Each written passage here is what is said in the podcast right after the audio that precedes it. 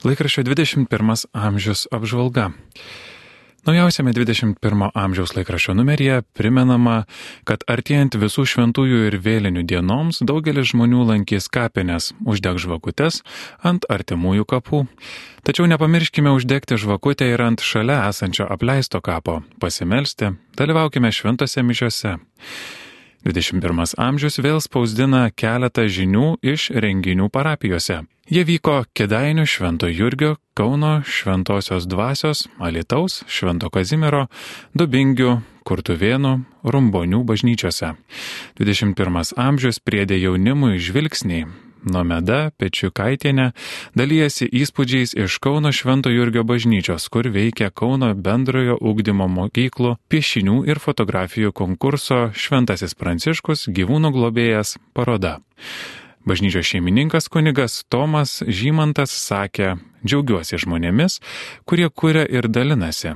Jų galima kurti, bet nesidalinti, galima būti anonimišku menininku, kokių pažįstame ne vieną.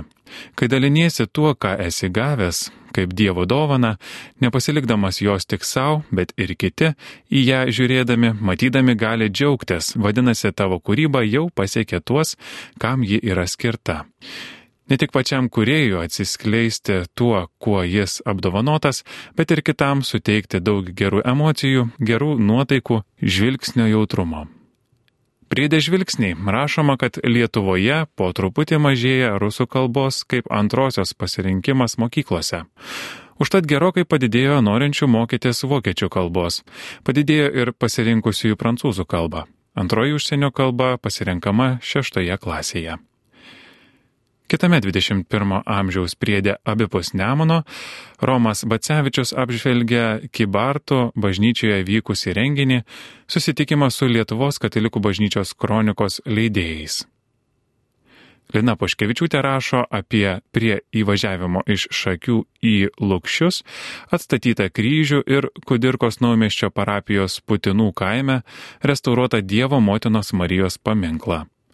Priedė abipus Nemuno dar rasite informaciją apie tai, kad išgelbėtus nuo kirtimo medžius galima persodinti. Išėjo ir laikraštis Katalikas.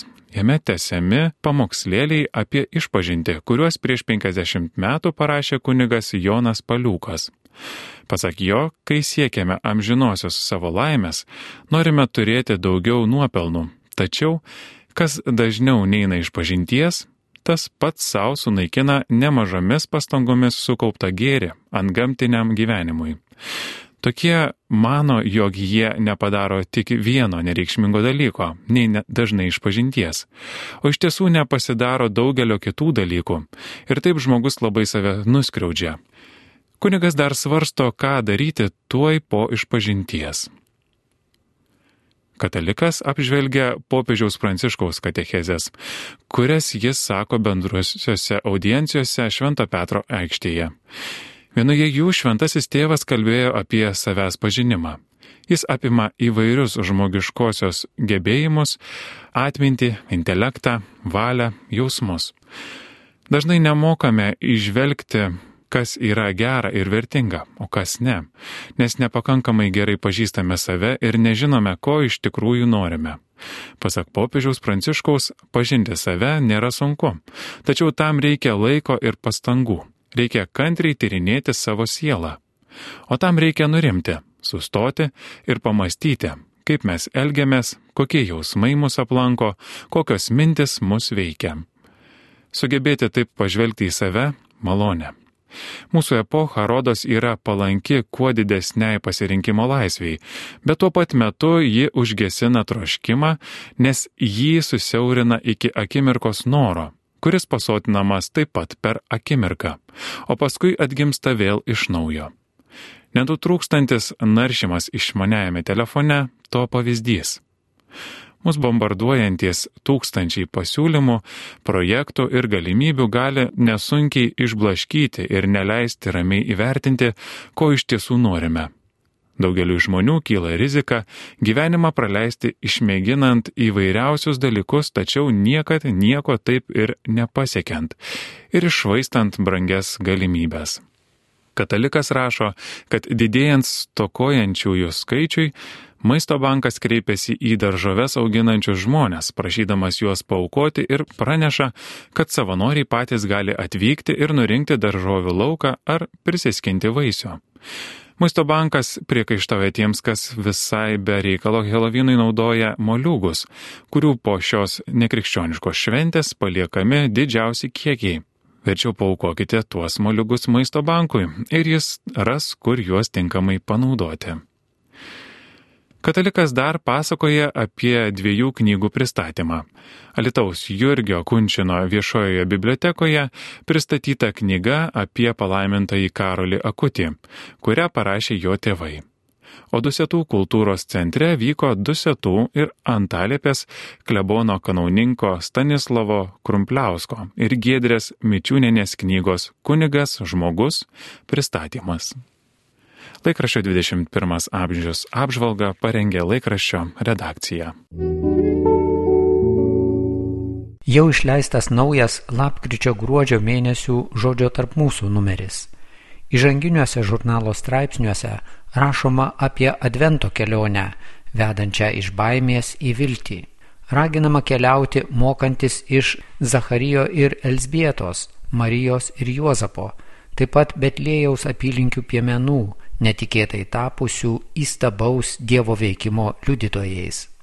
Nebijoti ir pasitikėti, kitaip tariant, baimę įveikti pasitikėjimu, be nedažniausiai nuskambantis raginimas šventajame rašte. Be pasitikėjimo viešpačiu, kad jam nėra neįmanomų dalykų, netapsime įtikinamais Dievo gerumo liudytojais. Žodžio tarp mūsų puslapiuose taip pat rašoma apie džiaugsmą, sujungiantį dangų ir žemę. Džiaugsmą ir linksmumą, kuris visada yra Dievo buvimo pasaulyje ženklas. Džiaugsmą, kuris apima ne tik paskirų žmonės, bet ir visą bendruomenę. Džiaugsmą skirtą visam pasauliui. Svarbiausia žodžio tarp mūsų dalis - kasdienės liturginių skaitinių meditacijos Jos palydės iki pat liturginių metų pabaigos ir įves į adventą naujus liturginius metus. Padės neužmiršti kasdien remtis viešpačiu, jo viltis ir džiaugtis jame. Priminame, kad žodį tarp mūsų nuo lapkričio galite užsiprenumeruoti ateinantiems metams. Kviečiame kaip pagalba naujų metų tikėjimo kelionėje užprenumeruoti ir kitam Ieškokite žurnalo katalikų knyginuose ir savo parapijoje. Lapkričio mėnesio maldinėlio Magnificat pristatymas.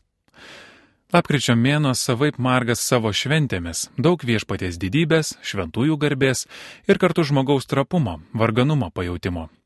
Lapkričio pirmąją prisimename viešpaties artuma besidžiaugiančius nežinomus šventuosius, o paskui visas aštuondienis maldai už tuos, kurie pakeliui į tenai. Laukiame didingos liturginių metų užbaigos, kai švesime Kristaus karaliaus iškilmę, o belaukdami minime vargstančiųjų dieną. Kaip yra sakęs viešpats Jėzus, vargstančiųjų visada turėsime šalia. Neretai ir mes patys kažkuria prasme suvargę. Tad atrodo visai verta atsigręžti į tai, ką apie vargstančius ir ne tik juos enciklikoje Fratelli Tuti rašo popiežius Pranciškus. Kažin ar daugelis ją spėjo atsiversti, nes lietuviško vertimo pasirodymas sutapo su naujom karo negandom, užgožusiom visus lik tol buvusius rūpeščius. Žaizda Ukrainoje tebe kraujuoja, bet į savo gyvenimą jau įsileidžiame ir kitų temų. Gal net įdomu pažiūrėti, kaip enciklikos mintis skamba dabar, po pasaulį ištikusio naujo sukretimo. Patikrinti, ar tikrai popiežių dokumentuose skelbiamas mokymas išlieka aktualus, bet kokiomis aplinkybėmis. Lapkričio numeryje kasdieną rasite po kropelę minčių iš enciklikos, o norintieji gali ją susirasti ir perskaityti visą. Šį mėnesį maldinėlyje taip pat galėsite perskaityti Jolantos Stupelytės straipsnį apie viršelį puošiančios iš Odesos atkeliavusios ikonos atvaizdą - gelbėtoje su dangaus galybėmis. Daktarė Ingrida Gudauskenė įdomiai ir aktualiai pristato laišką Filomenui. Liturgijos skiltyje tėvas Jeremijas Driskolas atskleidžia žodžio liturgijos esmę ir struktūrą. Mėnesio šventojo rubrikoje pasakojimas apie palaimintąją seserį Benediktinę Mariją Fortūną Viti. Iš Italijos, visą gyvenimą vienuolynę tyliai ir nuolankiai dirbusią kasdienius darbus, taip išpildžiusią savo troškimą tarnauti ir mylėti. Kartu su popiežiumi Pranciškumi šį mėnesį galime jungtis į maldą už kenčiančius vaikus, ypač benamius, našlaičius ir nukentėjusius nuo karo. Tegul jiems bus užtikrinta galimybė mokytis ir patirti šeimos meilę. Galime kreiptis į viešpatį tais žodžiais, kuriais popiežius užbaigė savo encikliką. Mūsų Dieve, meilės trejybę, duok, kad mes krikščionis gyventume Evangeliją, atpažindami Kristų kiekviename žmoguje, matydami jį nukryžiuotą apleistų ir šio pasaulio užmirštų žmonių kančiose, o prisikėlusi kiekviename vėl pakilusiame brolyje. Maldinėlio Magnifikat pristatymą parengė Magnifikat redakcija.